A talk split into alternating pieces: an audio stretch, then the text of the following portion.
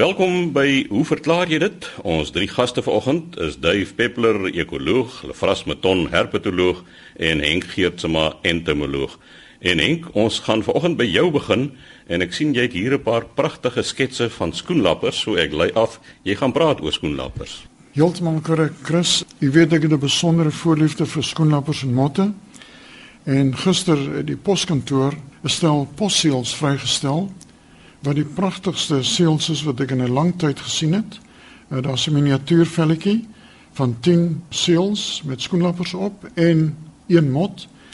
Nou posseels word byvoorbeeld 2 jaar voor die tyd aangevra verskillende onderwerpe dwars deur die land. En 2 jaar gelede het die skoenlappervereniging van Afrika het voorgestel dat ons stel seels moet hê van skoenlappers en motte wat bedreig en baie mooi is. En Die seels is nou vrygestel.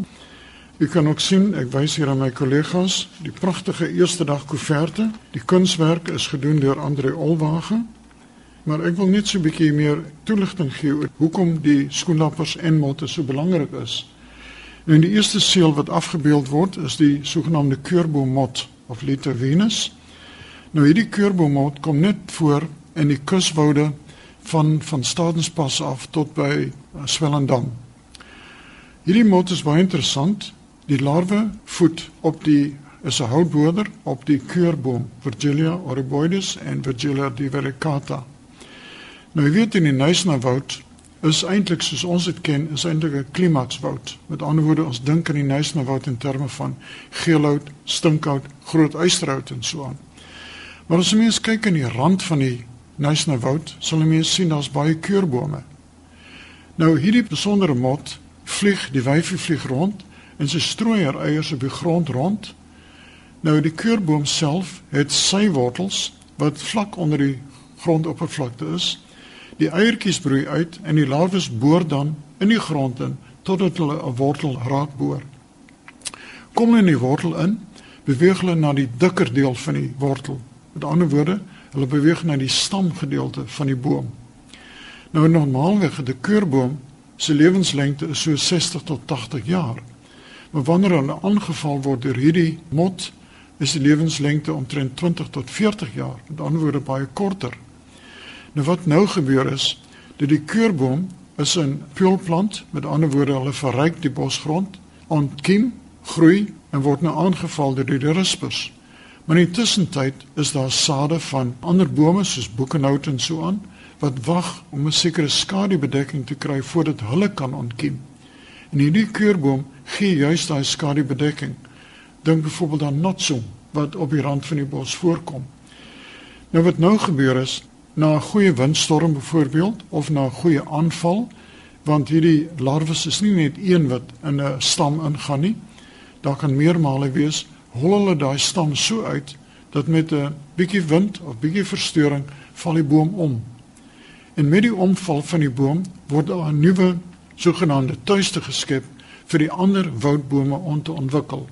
En op dië manier kry mens dat die sogenaamde suksesie van die Nysnawoud word aangehelp deur hierdie besondere mot. So alhoewel mense dink die mot doen skade, is dit eintlik deel van die natuurlike suksesie van 'n reënwoud. Die tweede insek wat op die seels voorkom is die sogenaamde waterberg kopervlekkie. Nou hulle behoort tot die groep die bloutjies en die kopervlekkies en natuurlik baie van hulle is geassosieer met mure. Nou dis ook weer baie interessant. Ek het op 'n tyd myself redelik onpopulêr gemaak deur te sê dat ons behoort nie eintlik spesies te beskerm nie. En mense het my dit kwaliek geneem. Maar hulle het nie geluister wat ek verder gesê het nie en dit was om te sê dat die habitat moet beskerm word. En dit is ek dink Lefras en Dave sal saamstem met my dat dit is eintlik hoe mens beskerming doen. Nou die Waterberg kopervlerke is interessant. Is afhanklik van 'n plant. Nou dit kom net voor op 'n lokaliteit by die Waterberg by Bellabella in die omtrek. Maar wat interessant is, al die eerste plek waar die skaarskoenlappertjie gevind is, omheind. Nou die area wat omheind is, is omtrent die grootte van twee tennisbane. Dis hoe klein die area is waar die skoenlampertjie voorkom. Toe hulle gevind dat die getalle van die skoenlampertjie is besig om te daal. ten spyte van die heining wat hulle om die plek getrek het.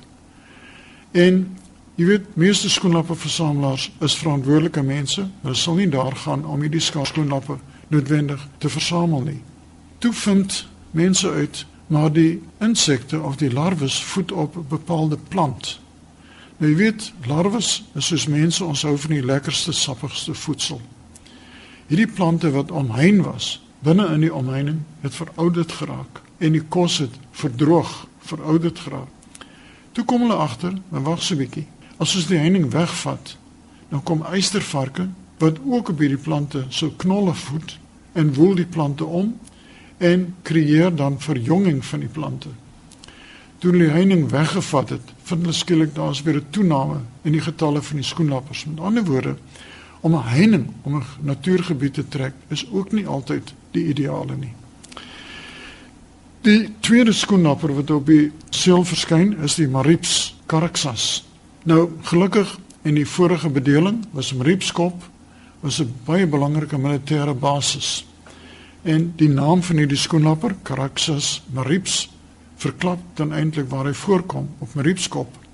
Maar omdat dit 'n militêre basis was, kon niemand eintlik daar inkom om skoenlappers te versamel nie. Miskien dink hulle jy is 'n spioen of jy behoort aan die Gupta familie. Maar in elk geval, sedertdien is gevind dat die skoenlapper kom voor van Maripskop tot Besabi, maar dit is 'n beskermde ene want weer eens hierdie tipe skoenlappers is baie gesog onder versamelaars. Die volgende skoenlapper is dan die kuspers puntjie. Is 'n pragtige wit skoenlapper waar die mannetjie se vlerkpunte is pers en die wyfie is rooierig. Hulle kom voor van so Port St Johns af tot in Mosambiek. En hierdie skoenlappers is gekies vanweë hulle mooiheid, nie vanweë hulle bedreigdheid of skaarsheid nie. Die volgende skoenlappertjie is dan die Wolkberg kopervlerkie. Nou hierdie kopervlerkie kom net voor op die Wolkberg nêrens anders nie en dit word bedreig deur die aanplant van uitheemse dennebome deur plantasies. Maar gelukkig is ons departement besig om hierdie tipe habitatte van hierdie skoenlappertjies te bewaar deur aan die bosboubedryf voor te skryf hoe breed die sogenaamde korridors moet wees tussen die een gebied met die ander gebied. Hulle kom voor in die grasvlaktes eintlik. So, dis ook 'n dingetjie om te bewaar. Langsaan kom die Lutana bloutjie voor. Die Lutana bloutjie was altyd bekend net van een lokaliteit, ook by Hannesburg, ook bedreig deur plantasie aanplantings. Gelukkig is daar nou 'n tweede lokaliteit gevind. Maar weer eens pragtige klein skoenlappertjie. Dan kry ons die Barber se dik koppie. Nou hierdie skoenlappertjie kom voor by Strandfontein. Dit is bedreig Ek het so jare wat gelede het ek 'n omgewingsimpak studie gedoen want hulle wil die pad wat deur die habitat van hierdie skoonlappertjie loop verbreed van 'n tweebaan na 'n vierbaan. Nou interessant, hierdie skoonlappertjie, die wyf hulle eiers op graspolle. Aan die een kant van die pad is dit Port Jackson. Daar word motors uitmekaar gehaal. Daar word vuil goed gestort en so met ander woorde die area word totaal vernietig. Aan die ander kant van die pad waar die graspolle is, wat in so 'n vleierige gebied groei, word dit ook beskerm, beskerm teen brand. Die probleem nou is dat die skoenlapper wyfie sal net eiers lê as die graspolle kolkol staan. So gaan die gras in digte opstande bestaan, met ander woorde met beskerming teen brand, sal sien die eiertjies lê nie. Met ander woorde, ons het 'n unieke geval hierso dat aan die een kant word die habitat vernietig deur menslike aktiwiteite en onkruid. Aan die ander kant word die habitat vernietig deur oorbeskerming. Want jy weet baie van ons skoenlappers in die Weskaap is ingestel op 'n gereelde brand van die fynbos. Dit bring ons na die volgende skoenlappertjie, die leeukop kopervlerkie. Hierdie skoenlappertjie kom net voor op leeukop, nêrens anders nie. Nou jy weet, leeukop het elke jaar omtrent onder so baie toeriste en besoekers is brand leeukop af. En ons vermoed dat as gevolg van die veelvuldige gebrandery is die skoenlapper ook nie meer met ons nie. Dan die volgende skoenlapper is Dixon se kopervlerkie. Nou Dixon se kopervlerkie is vernoem na meneer Dixon. Ons het in die Suid-Afrikaanse skoenlapper wêreld het ons twee groot amateurgeeste gehad. Nie dat daar vandag nie groot amateurgeeste is nie, maar hulle is histories. Want albei van hulle is nie meer met ons nie. Maar meneer Swanepoel het die Afrikaanse genre verteenwoordig, terwyl meneer Dixon was die proper Englishman. As jy vir meneer Dixon gaan kuier het, het jy teen scones gekry en as jy vir meneer Swanepoel gekuier het, het jy bier en brandewyn gekry. Maar in elk geval, daar was 'n onderlinge kompetisie tussen hierdie twee menere. Albei het gepoog om al die skoenlapper spesies in die land bymekaar te kry en albei was amateurs wat werklik uitgestyg het bo die hele klomp lepidopteraliste. Nou Dixon se kopervlerke is dan na hom vernoem en dit het vroeër voorgekom by Mamre en die enigste plek waar dit nou nog voorkom is naby Witstrand. En jy weet Witstrand is ongelukkig 'n populêre vakansieplek daar's gedurende uitbreiding van vakansiehuise so hierdie skoenlapper is ook bedreig. Dan die laaste skoenlapper op die seelreeks is die Tafelberg of Bergnoentjie. Nou hierdie Bergnoentjie is 'n pragtige groot bruin skoenlapper wat veral rooi blomme besoek en onder andere is die enigste bestuiver van die rooi disa blom. Hulle kom voor vanaf Kaap Punt tot in Zimbabwe in Lesotho het ons ook gekry kom voor in Swaziland en die skoenlapper vereniging van Afrika wil eintlik hê dat hierdie skoenlapper as 'n nasionale simbool van die land verklaar moet word. Dan kom ons by die twee eerste dag koeverte. Twee pragtige koeverte, ook geteken deur die kunstenaar Andre Oldewage. En die afbeeldings is nie net van die skoenlapper seels nie, maar ook van twee besondere insekte Die boonste een is die Muller se tiermot. Pragtige oranje mot wat voorkom van die Oos-Kaap af tot in Mosambiek en die ruspers of larwes van hulle voed op Cicadea of op Stangeria. Met ander woorde op fossiele plante. Kom net op daai plante voor. Met ander woorde, toe hierdie motte ontstaan het, het hulle gevind dat hierdie Cicadea is die ideale voedselplant want die weet Cicadea het 'n gif wat nie aanvaarbaar is vir baie ander insekte nie en al heeltemal gespesialiseerd geraak daarop. En dan die laaste skoenlapper is dan die bos swalstert wat in Oos-Transvaal voorkom of daar in Mpumalanga en jy kry hom net op koppies en dis hoekom die Engelse naam is ook coffee swallowtail. So dis eintlik om die aandag te vestig op hierdie pragtige reeks skoenlapperseels en twee mooietjies. En so sê Henk Geertsma ons entomoloog, Dave, jy het 'n brief ontvang van 'n dame wat hier op Stellenbosch 'n boom ontdek het wat klaarblyklik oor twee verskillende tipes blare beskik. Ja, is lekker om 'n brief uit Stellenbosch te kry, net spesifiek aan my gerig. Sy het eendag in die Beree Park gestap en sy sê sy het met haar raak geloop en ek het by haar verbygeloop. Sy het my herken want sy het blykbaar my stem gehoor en geweet dis ek en sy het vermoed ek was besig met interessante dinge. Nou hoe op aarde sy dit geweet het wie die hemel alleen en sy het toe op haar paadjie voortgegaan. Luister Anien volgende keer stop my en sê dag dat ons kan gesels. Ek is nooit so besig dat ons nie kan gesels nie. In elk geval sy sê toe sy jonger was by 'n uh, ehm, hoërskool Hartbeespoort het sy 'n plantjie raak geloop met 'n oënskynlike teenstrydigheid met 'n groot plat blaar en dan 'n fyn blaartjie aan sy punt En sy het gesê dit my verstom en ek kon nie glo wat ek sien nie en was vas oortuig dat ek op 'n wonderbaarlike nuwe natuurverskynsel afgekom het. Wel, as mense dit die eerste keer sien, lyk dit so. Twee bome in een sê sy. Sy het foto's geneem en dit verloor, maar tog later weer op Hogsback raak geloop en toe weer hier op Stellenbosch. Nou, dit is een van die wonderbaarlikste natuurverskynsels. Ek ken dit baie goed, juis omdat dit hierdie baie ernstige indringer akasia is baie akasias ontwikkel 'n afgeplatte stammetjie voordat die blare ontwikkel en dit staan bekend as 'n filode en dit is regtig baie bekend van die akasia familie. Dan later uit hierdie filode kom daar dan 'n saamgestelde blaar of soms ook 'n enkelvoudige blaar. Baie akasias het glad nie blare nie en dele van die stamme word so ontvorm dat dit na blare lyk en dit staan dan bekend as cladodes. Nou Ek dink 'n mens gaan so maklik om met blare. Jy loop deur die blare in die herfs, jy loop in die skaduwee van die blare en ek gedink dat 'n mens vinnig net gou 'n blaar herbesoek en hom miskien 'n bietjie uit 'n ander oogpunt uitkyk. Nou, as jy kyk na definisies, is dit 'n orgaan, soos enige ander orgaan. wat deel is van 'n vaskulêre plant en hoofsaaklik fotosinteer, dan vra mens jou af wat is 'n vaskulêre plant? Dit is landsplante, hoër plante wat op die land groei en wat weefsel het wat die plant toelaat om plantstowwe te vervoer tussen wortel en kroon en van blaar weer terug na die boom. Nou hierdie stywe strukture bevat dan lignien, maar die blare is sonder lignien en hulle doen hoofsaaklik fotosintese. Hulle is gewoonlik afgeplat.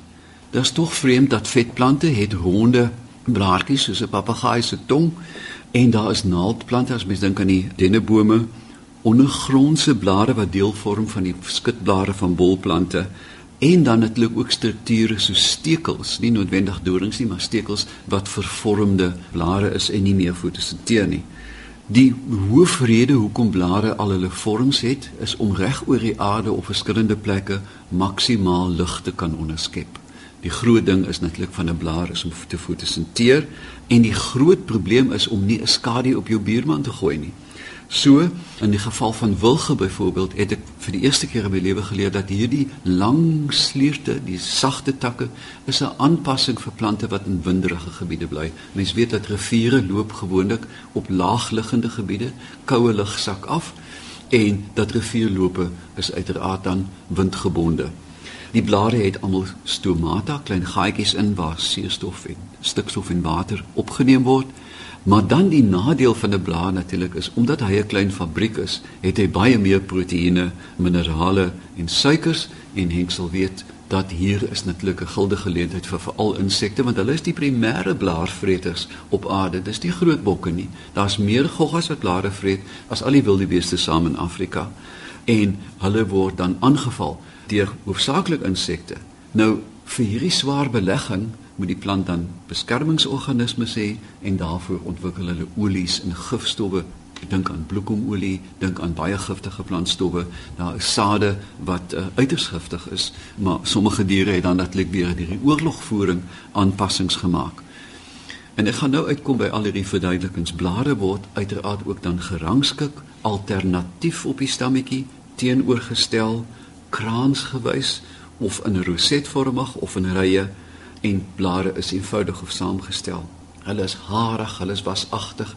Hoekom is dit nodig om oor die goed te praat? Baie eenvoudig. Neem enige goeie boomboek op en voorin sien jy 'n blaar sleutel. Nou, hierdie is nie 'n kort pad nie. Dit is die enigste pad wat ons het as amateurs of mense wat lief is vir bome, dendroloë om by 'n spesies uit te kom. Want die blare van elke boom is absoluut uniek. En juis daarom, as jy die geringste kennis wil opdoen van bome, moet jy by die blare begin. Die blaar maak die boom en hoe meer jy van blare weet, hoe vinniger gaan jy by die spesies uitkom. Dit word groot pret. Ek het my kinders geleer om met blaarsleutels te werk. Nie baie effektief nie, maar hulle tog probeer.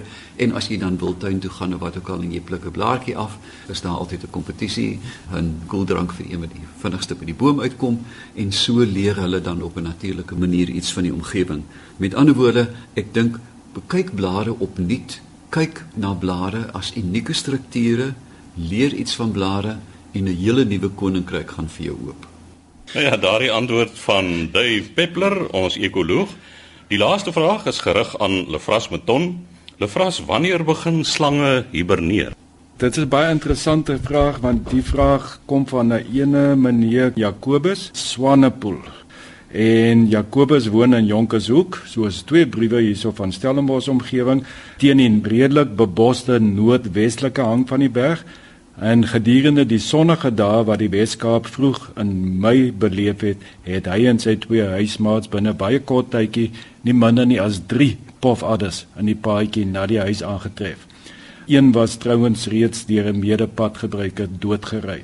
Nou vra hulle, hoekom het hulle gedurende die warm somermaande nooit enige slange gewaar nie, hoewel dit duidelik slangwêreld is.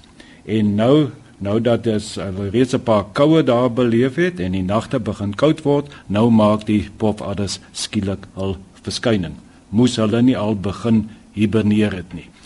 Baie interessante vraag. Die eerste baie belangrike punt wat ek net wil uitlig, die woord hiberneer.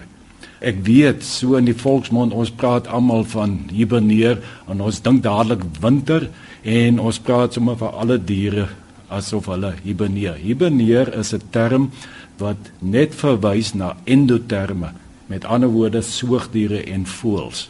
En dit is 'n baie spesifieke proses deurdat hulle hulle metabolisme verlaag, gewoonlik deur winter, maar dit kan ook deur die somer wees. So hiberneer beteken nie noodwendig winter nie.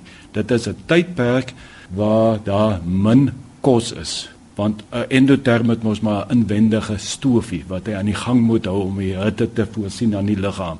So gewoonlik in die winter, as dit baie koud word en as daar te min kos is, dan kan hulle nie daai stofie stook om genoeg hitte te verskaf nie en dan word die liggaamstemperatuur toegelaat om te daal en metabolisme om af te neem, asemhaling en harttempo alles verlaag om energie te spaar.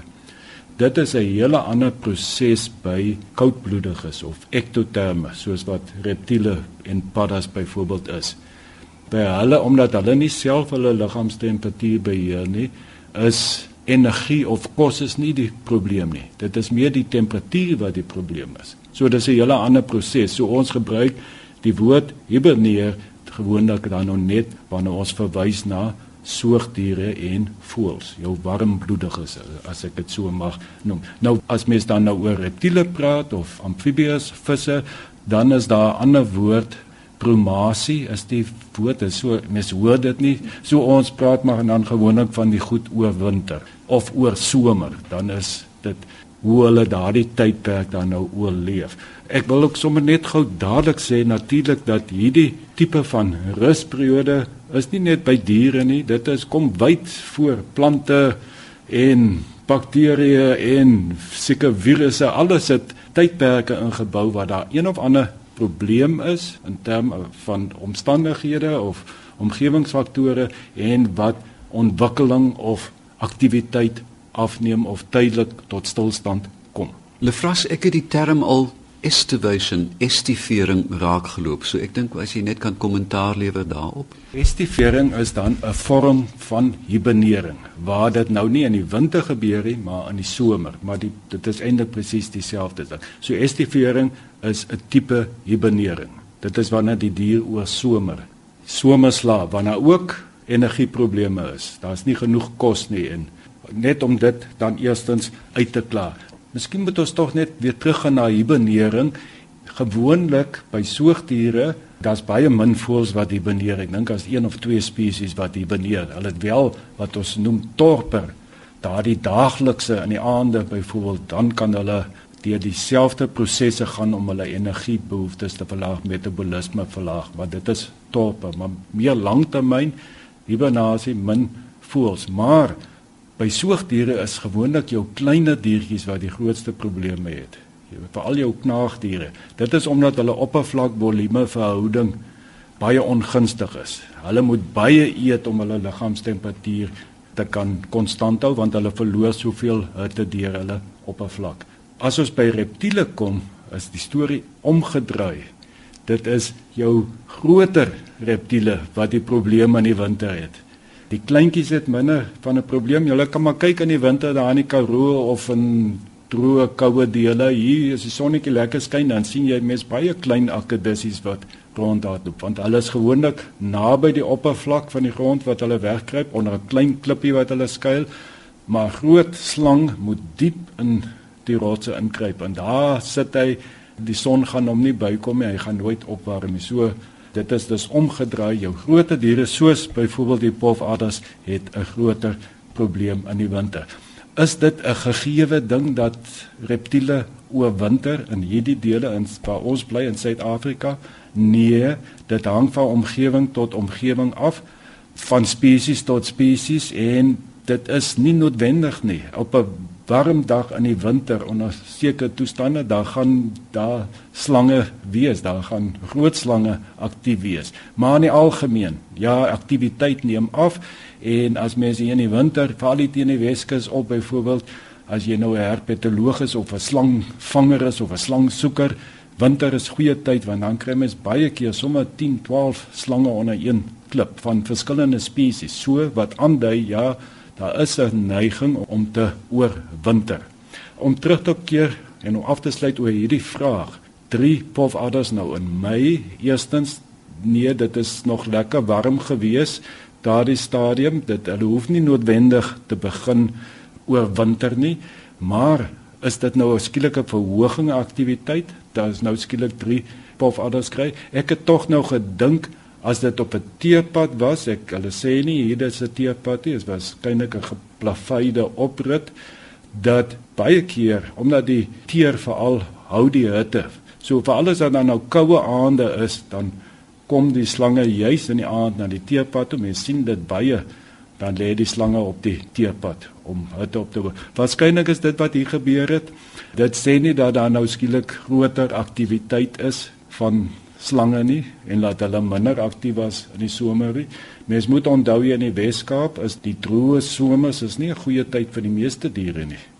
En so mens verwag eintlik 'n bietjie van 'n afplatting in aktiwiteit in die warm somermaande, maar nie noodwendig nie. So ek sou versigtig wees. Ek sou neig hiersom te dink dat dit dalk iets met die oppervlakte doen en juis die koue aande laat hulle die hitte kom opsoek op die pad.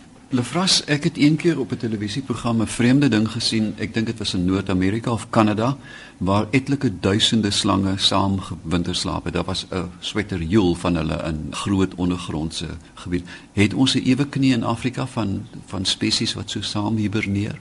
Dit is baie interessant. Hulle is almal daar saamkom en dit is natuurlik waar die winters baie koud is, né? So dit is 'n uh, verpligte oorwintering as ek dit so kan noem teenoor hierdie meer fakultatiewe oorwintering wat dit hang maar af van toestande. Wat interessant is van hierdie slange spesifiek as hulle na hulle nou ontwaak uit hulle winterslaap, dan vind paring ook sommer alles plaas daar. Dit is dan 'n hele orgie daar van mannetjies en wyfies want hulle is nou almal bymekaar paring vind plaas en dan versprei die storie. So hulle trek nogals voordeel daaruit ook. Die vraag sou wees hoekom kom hulle nou almal bymekaar? Want as mos nou nie, hulle hoef nie hulle liggaamstemperatuur konstant te hou deur nou almal saam op 'n hoop te lê nie. Wie weet hoekom hulle so bymekaar kom? So gesels Lefras Meton, ons herpetoloog. Die tyd het ons ongelukkig ook ingehaal.